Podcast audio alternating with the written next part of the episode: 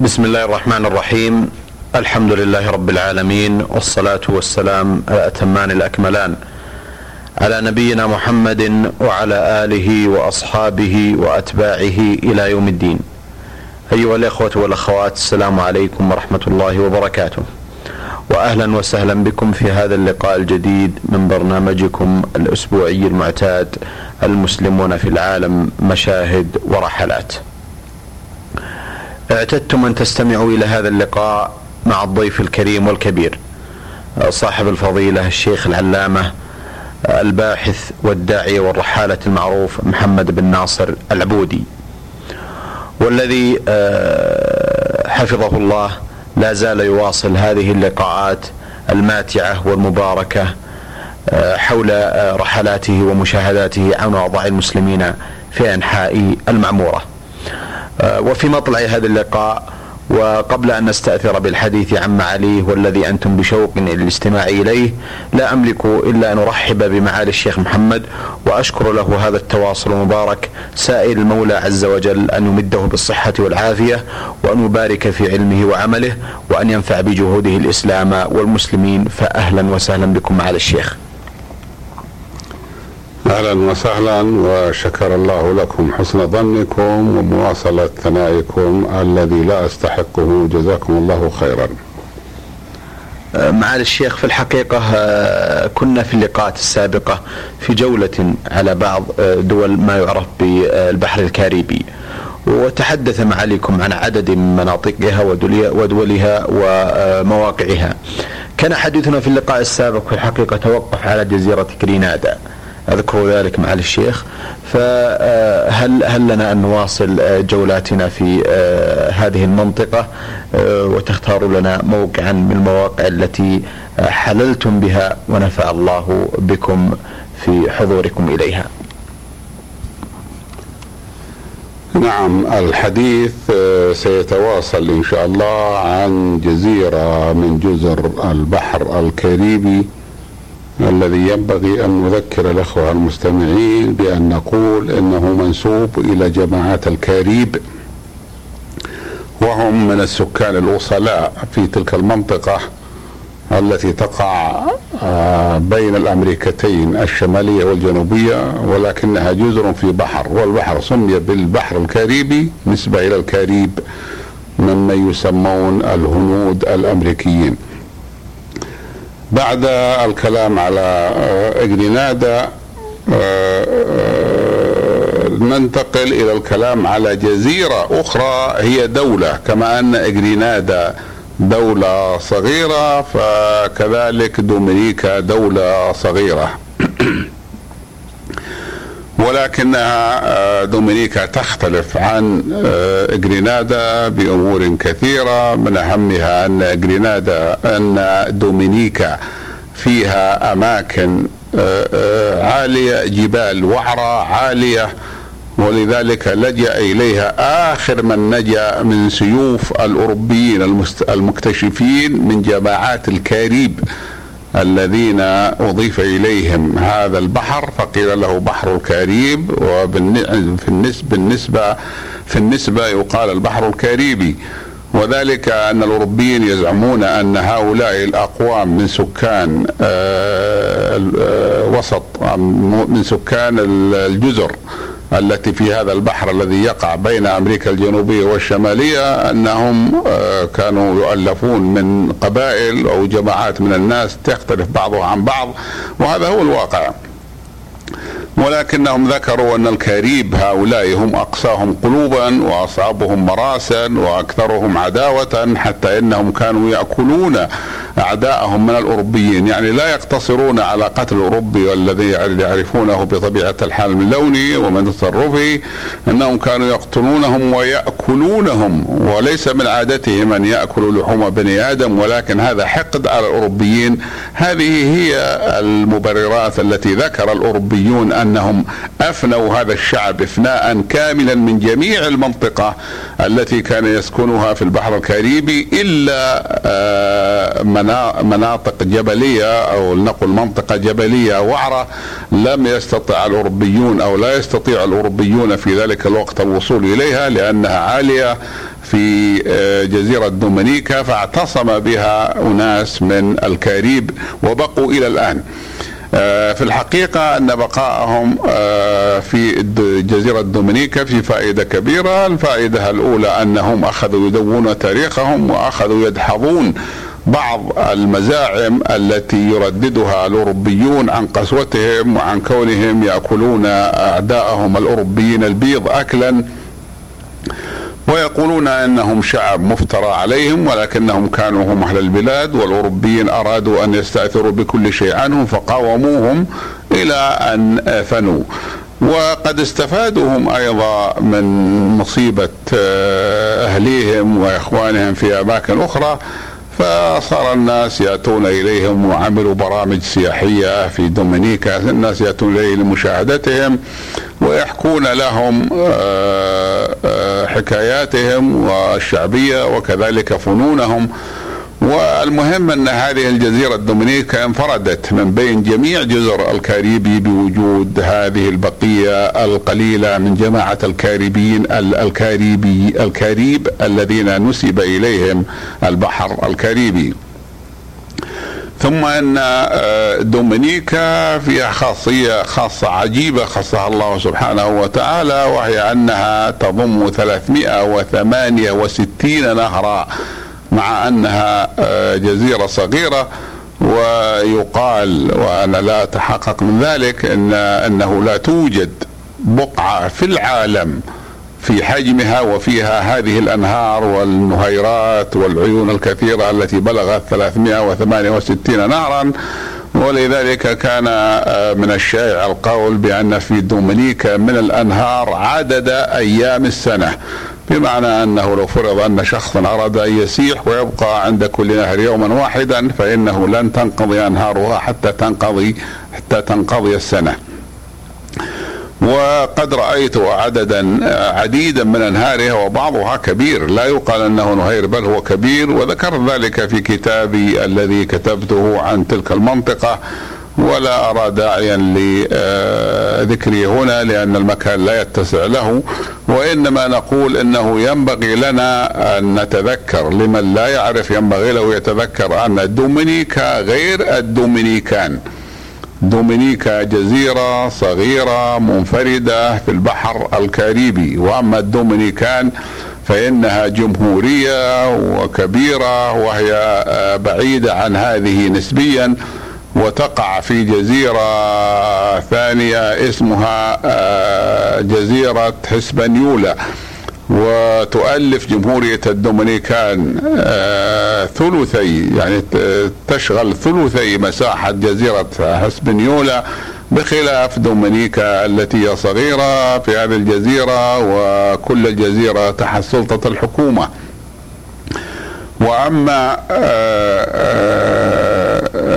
سكان الدومينيكان فإن عددهم لا يزيد على خمسة وسبعين ألفا فقط مع أن مساحة الجزيرة كبيرة بالنسبة إلى الجزر الصغيرة الأخرى وهي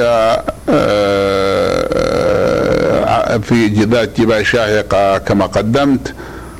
وكذلك آه، هي كانت مستعمرة بريطانية وسابقة ولكن لا يوجد فيها الآن بريطانيون مثل غيرها من المنطقة. يعني كل جزر المنطقة من النادر أن يرى المرء أو يصادف آه، بريطانيا. لماذا؟ لأن البريطانيين كانوا هم الحكام ولا يرضون أن يبقوا هناك محكومين إلا إذا كان هناك ما يغريهم. ولكن توجد شعوب أخرى سارعت إلى الدول المستقلة وقامت معها علاقات ثقافية واقتصادية واستغلت آه، بعض ما يحتاج إلى استغلال. آه، من الفوارق بين الدومينيكا والدومينيكان أن جزيرة آه، دومينيكا تبلغ مساحتها 787 كيلو متر مربع فقط. وأما تلك فسوف يأتي الحديث عنها وأنها كبيرة. آه وهذه جمهورية وهذه اللي هي دومينيكا. طبعا دومينيكا هي جمهورية ولكن نحن أردنا أن نفرق بينها بلفظ جمهورية وبين جمهورية الدومينيكان المشهورة. جمهورية الدومينيكان عاصمتها هي مدينة سانتو دومينغو وأما هذه الدومينيكا فعاصمتها اسمها روزو. وهنالك فوارق كثيرة منها أن جمهورية دومينيكا استقلت في عام 1967 من بريطانيا. وأما تلك جمهورية الدومينيكان فقد استقلت قديما مثل بقية المستعمرات الإسبانية وإن كانت تخلفت عنها استقلت في عام 1844 وأما آه، المستعمرات البريطانية مثل المستعمرات الإسبانية السابقة مثل المكسيك ومثل بيرو ومثل آه، البلاد الكبيرة فقد استقلت قبل ذلك بنحو 30 سنة. تتميز دومينيكا أيضا إلى جانب وجود السكان الكاريب القلة تتميز أيضا بوجود طيور نادرة وبوجود وذلك بسبب آه، صعوبة أو بسبب ارتفاع جبالها ومناعتها ولذلك يقصدها الناس آه، للسياحة. آه، نحن إذا ذكرنا السكان فلا بد يتطرق إلى الذهن السؤال نقول من كان دومينيكا الآن في الوقت الحاضر؟ يعني من هم الأكثرية من السكان؟ والجواب أنهم من ذوي الأصول الإفريقية كنت فيها لا يمكن إلا أن تتوهم أنك في إفريقيا لولا بعض الفوارق الجغرافية.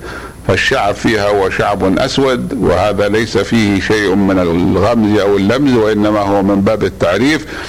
وهذا الشعب هو جماعات من الذين كانوا قد نهبوا نهبهم الأوروبيون الذين كانوا يتاجرون بالرقيق. نهبوهم في القرن السادس عشر وما بعده واحضروهم إلى أمريكا الشمالية وأمريكا الجنوبية والبحر الكاريبي ليشتغلوا بدلا من السادة البيض.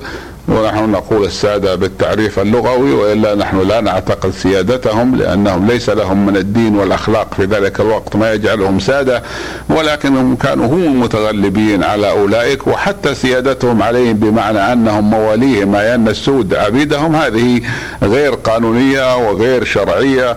ولكنهم نهبوهم نهبا من افريقيا وصاروا يبيعونهم على المستعمرين البيض. فقد بقي اتباعهم في تلك المنطقة وبخاصة عندما آه، تم تحرير العبيد ومنع الرق عالميا بقوا هناك واستوطنوا فيها وجوها ليس بعيدا من جو القارة أو من جواء القارة الأفريقية لذلك لم يؤثر الجو في ألوانهم تأثيرا. يذكر فلم ليس جوا باردا مثلا ولا جوا بعيدا عن خط الاستواء حتى يؤثر عليهم بزيادة في البياض. وأما السواد فإنهم لا يحتاجون إلى الزيادة منه عندما جاءوا من أفريقيا إلى المنطقة. أحسنتم معالي الشيخ.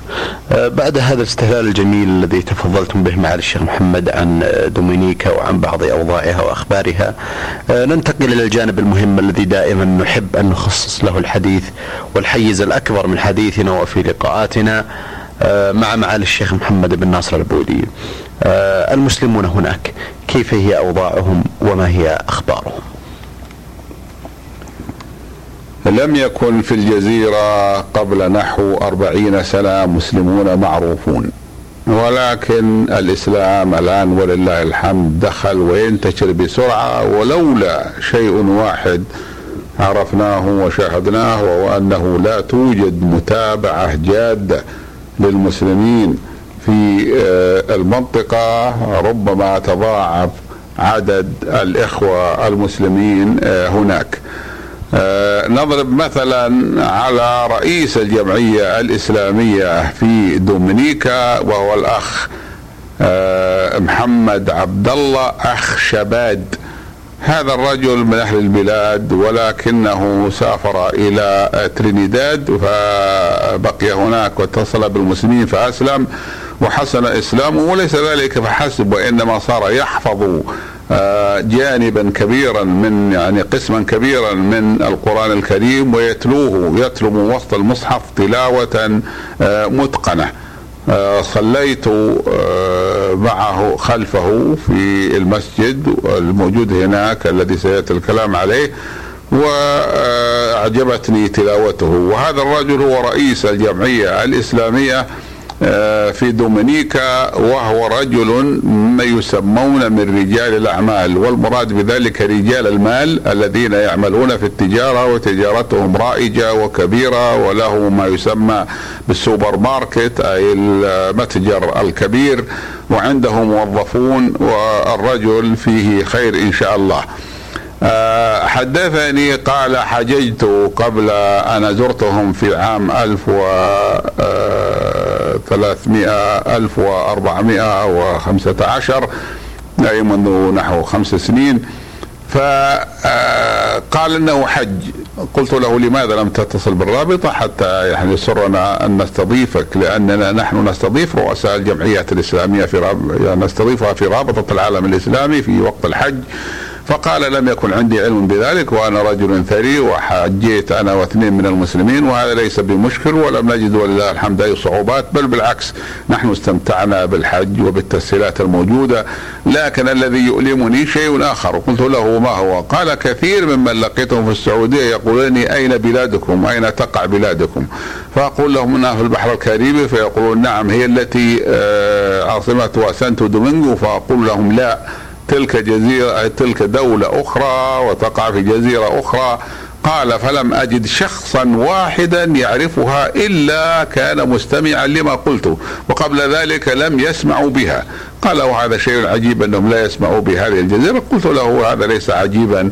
لأن هذه جزيرة آه، آه، منزوية في آه، منطقة البحر الكاريبي وغطى عليها أيضا غطت عليها تلك الجمهورية التي أكبر منها التي شابهها بالاسم وهي وهي جمهورية الدومينيكان التي عاصمتها سانتو دومينغو. يبلغ عدد المسلمين الآن المعروفين يعني بمعنى المسجلين المعروفين ما بين 250 إلى 300 وكلهم مسلمون جدد ولا يوجد شخص واحد منهم أبوه مسلم. وسألت واحدا منهم متى أسلمت فقال أنا إسلامي قديم مضى عليه خمس سنين. انما بعضهم سنة إسلامه وبعضهم نص سنة وبعضهم ثلاث سنوات وكلهم بدون استثناء مسلمون جدد. والغريب العجيب أنه لا يوجد لديهم داعيه إسلامي ما عدا رئيس الجمعية هذا الأخ الذي هو رجل محتسب للدعوة ورجل تجارة ومال معروف ولكنه محتسب وهو يملك آه، مبنى مؤلف من طابقين أسفله هذا ذلك المحل التجاري الكبير الذي يملكه وأعلاه فيه شقة آه، قال إنه أعارها للإخوة المسلمين يعني أعدها لتكون مصلى أي مركزا أو مصلى للمسلمين. ولكنه قال لي وقال أخبرت أخواني المسلمين كلهم بأنني لم أتبرع بها وإنما آه، جعلتها وهيأتها مسجدا إلى أن يتيسر بناء المسجد. والسبب في ذلك أنهم قد اشتروا الأرض وأروني إياها ولكنهم لم يجتمع لهم المال اللازم وهم يريدون بناء مسجد. اشتروا أرض آه، مهمة خضراء في الجزيرة وأروني إياها وقالوا نحن إن شاء الله عازمون عندما يتوفر المال اللازم على بناء هذه بناء مسجد على هذه الأرض. وبذلك نخرج من هذا المصلى الذي تبرع به الأخ محمد عبد الله أخ شباد. عندما جيت واتصلت بالأخ محمد عبد الله أخ شباد في الحقيقة آه، كان إخوتنا في جرينادا أبرقوا إليه وقالوا إن فلان سيصل فوجدته في المطار ومعه سيارة فاخرة جديدة لاستعماله وخاصة به فكان هذا مما وفر علي بعض الوقت بدلا من أبقى أبحث عن المسلمين بعض الوقت. وقال لي إنه رجل مشغول وأنه كان يريد أن يكون معي طول الوقت لأنني قلت له إنني أريد أن لا تقتصر زيارتي على الاتصال بالإخوة المسلمين ومعرفة اوضاعهم وإنما آه، تمتد أيضا إلى الاطلاع على أحوال الجزيرة وعلى الأحوال العامة فيها. فأرسل معي أحد الإخوة المسلمين الجدد الذي لم يمضي على إسلامه إلا ثلاثة عشر شهرا آه، في ذلك الوقت. وهذا الأخ اسمه لورانس دينسديل والغريب أنه لم يغير اسمه مع أنه فيما يظهر من حاله قد اطمأن قلبه إلى الإسلام وهو يصلي صلاة لا يستنكرها أحد بمعنى أنه قد أجاد أداء الصلاة ولكنه هو هذا الأخ لورانس وغيره آه، ليس عندهم داعية مسلم ولا توجد دعوة إسلامية إلا آه، التي يقوم بها الأخوة المسلمون الجدد الذين هم أنفسهم بحاجة إلى دعوة. لذلك لا أشك بأنه لو تيسرت لو تيسر وجود دعاة على المستوى المطلوب يكون لديهم من المعرفة باللغة التي هي اللغة الإنجليزية. والحمد لله اللغة الإنجليزية الآن كثير من المسلمين يجيدونها يعني أكثر من الذين يجيدون اللغة الإسبانية من المسلمين. والبلد التي هي دومينيكا هي بلد آه، جيد وإدارتها جيدة وحكومتها لا تدخل بأمر الدين بل هي آه، على علاقة طيبة مع المسلمين وليس عندها طغيان ولا عندها تحكم ولا تمنع الدعوة الإسلامية ولكن التقصير هو من الجهات العاملة في الدعوة ولا أستطيع أن أقول أن التقصير منا لئلا ينحصر فينا ولكن نقول إننا مثل غيرنا من المسلمين القادرين في البلاد الأكثريات المسلمة. يجب علينا أن نبذل جهدا أكبر مع أنني ألتمس عذرا لرابطة العالم الإسلامي بكثرة عملها لأنها تعمل على مستوى العالم من أقصاه إلى أقصاه وذلك أمر كبير وعظيم ويحتاج إلى عناية وإلى بذل أموال وإلى بذل جهود. الجهود ومع ذلك لا بد أن نعترف بالتقصير ونسأل الله سبحانه وتعالى أن آه، يعفو عنا تقصيرنا وعن مع أننا نرجو ثواب الله سبحانه وتعالى ونرجو أن الله سبحانه وتعالى لا يضيع أجر من عمل منا ومن غيرنا من المسلمين في الدعوة لأننا قد قمنا بما آه، نستطيع أن نقوم به وأنا أقصد بذلك رابطة العالم الإسلامي كلها ولا أقصد أقصد انني وحدي قد قمت بذلك. آه، بالنسبة للشعب كما قلت إنهم من الشعب آه، الأفريقي ويوجد أيضا طلاب مسلمون نحو خمسين موجودون في الجزيرة والسبب في ذلك أن فيها كلية تعترف هي أشبه ما تكون هذه الكلية بفرع لإحدى الجامعات الأمريكية المشهورة المعترف بها. فالطلاب يذهبون إليها لأن الدراسة فيها أرخص وهي آه، آه، جزيرة واسعه وسكانها قليل والحياة فيها أهدى. فهنالك نحو خمسين قبلت واحدا منهم من باكستان وهو يتكلم العربية لأنه درس بعض الشيء في الجامعة الإسلامية في المدينة المنورة. كما قبلت آه، طالبا قطريا. قال أنني قطري وبالفعل جنسيته قطرية ولكن أصله هندي. والمهم أن فيه بعض آه، الطلاب ويصلون الجمعة مع الأخوة المسلمين ويقولون أنهم لا يصلون الأوقات لأن معهم لأن الكلية بعيدة ولكنهم آه، يجتمع منهم من يصلي الجماعة في غرفة أحدهم في الجامعة. آه، بقي آه، أن نقول آه، ونشير إلى أن هذه الكلية هي تعترف بها الحكومة الجامعة الأمريكية في أمريكا تعترف بشهاداتها وانها معاديه لشهاداتها تعتبر بمثابه الفرع لها ولذلك وهي كلية للطب واعتقد أن فيها أيضا أقسام في غير الطب. أما بالنسبة للعرب فالعرب آه، يوجد فيها خمس أسر عربية وكلهم من كبار الأثرياء. آه، ثلاث أسر آه، مسيحية من النصارى وأسرتان مسلمتان ولكن الغريب أن المسلمين هاجروا كلهم بدون استثناء إلى الولايات المتحدة لأنهم من كبار رجال المال والأعمال وبقي وهاجرت أسرة مسيحية بقي أسرتان. مسيحيتان قابلتهم أنا من أجل السؤال عن الأخوة المسلمين وعن أحوال العرب فرأيتهم آه، يتكلمون العربيه لا يزالون كما كانوا في بلادهم. أي يعني أنا أقصد بذلك من لقيته منهم ووجدت عندهم متاجر كبيرة عندهم محطات لبيع محروقات السيارات وعندهم آه، متاجر ضخمة منها سوبر ماركت. وهم مشهورون بأنهم من رجال المال والأعمال ولكن عددهم قليل. أما الاحاديث العامة الباقية فيما يتعلق بدومينيكا فمنها أننا نزلنا في مطارها ويسمى مطار كين فيلد. وال cane أو canes هي هو قصب السكر. وفيلد حقل. والسبب في ذلك أن الجزيرة كانت تنتج قصب السكر وكانت بريطانيا تصدر يعني تأخذ السكر منها لأن التي هي التي كانت تتولى زمن الاستعمار لجميع التصرف بموارد الجزيرة وتوصله إلى أوروبا وتكسب آه، من ذلك، أما الآن فقد قلت أهمية السكر عندهم لأن أسعاره العالمية رخصت. صارت رخيصة فصار آه، لا لا لا غير مربح زراعته. ولكن لا يزال المطار في حقل السكر يسمى مطار حقل السكر.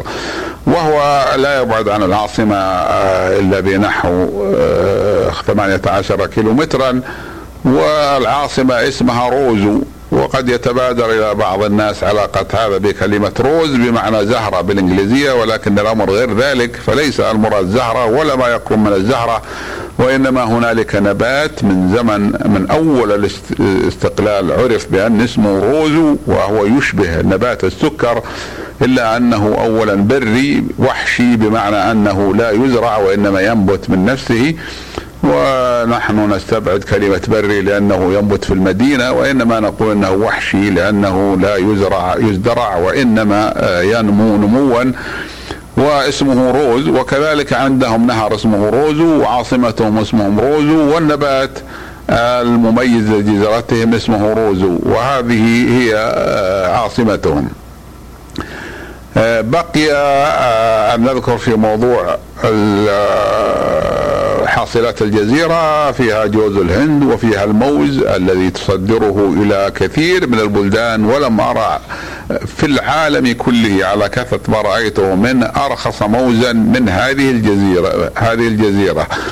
ولكن العجيب الغريب أنه رغم رخص الموز وكثرته وكثرة أنواعه وهم يصنعون منه انواعا من الطعام مثل الموز الأخضر فهذا يطبخونه طبخا ولا يؤكل اكلا وهو كبير لأنه يطبخ ويعتمدون عليه في الطبخ في الوجبة أحيانا يأكلونه بدلا من الأرز والخبز ولكن الأنواع الأخرى من الطماطم كالبامية والأنواع الأخرى من الخضيرات كالطماطم والبامية غالية جدا. فالغريب أن الطماطم أغلى منه عندنا في المملكة في الرياض أربع مرات أو خمس مرات وهم لا يبيعونه إلا آه، أكوام ثلاث يضعونها أو أربع يضعونها على الأرض واحدة فوق الأخرى حتى يجعلونها كالهرم الصغير ويبيعونها هكذا وهي لا تساوي ثمن أي نصف ربع الكيلو بل هي أقل من ذلك. عندما سألت البائعين في السوق وأغلبهم من البائعات ولا آه، يستطيع المرء أن يفرق بينهم في هذا السوق وبين الأفارقة لأن الأفارقة نساءهم كما نعلم يبيعن في الأسواق. عندما سألتهم كم يساوي طماطم كم يساوي كيلو الطماطم. عجبوا من ذلك. وقالوا لا أحد يشتري كيلو طماطم. هذا أمر غالي وكبير. وإنما نستطيع أن نقول كم الرطل. لأن بعض الأثرياء والأغنياء يشترون الطماطم بالرطل. وعندما حسبته وجدت أن الكيلو يعادل 15 ريالا سعوديا مع آه، ضعف النقود عندهم. ومع أنه يوجد عندهم 368 نهرا. وبالنسبة لما قمت به آه، أنا لا أدري هل الأمر آه، يهم المستمعين أن نحدثهم قليلا عنه في غير ما يتعلق بالحقل الإسلامي أم هذا يكفي؟ أحسنتم معالي الشيخ. آه، في الحقيقة بودنا أن نواصل معكم هذه المعلومات الجميلة والرائعة واللطيفة عن دومينيكا. وعن زيارة آه، معالي الشيخ محمد بن ناصر العبودي لها. آه، إلا أنني أستأذن معالي الشيخ في هذه اللحظات لأن نتوقف عند هذا الحد حيث أن الوقت قد شارف على الانتهاء. أعدكم أيها الإخوة والأخوات أن يكون لنا تواصل مع معاليه في لقاءات قادمة كما تعودنا. أكرر جزيل شكري وتقديري لمعالي الشيخ محمد بن ناصر العبودي الأمين العام المساعد لرابطة العالم الإسلامي والباحث والرحالة والداعية المعروف على حديثه الممتع عن مشاهداته ورحلاته لأحوال المسلمين في العالم. نلقاكم بإذن الله تعالى على خير. والسلام عليكم ورحمة الله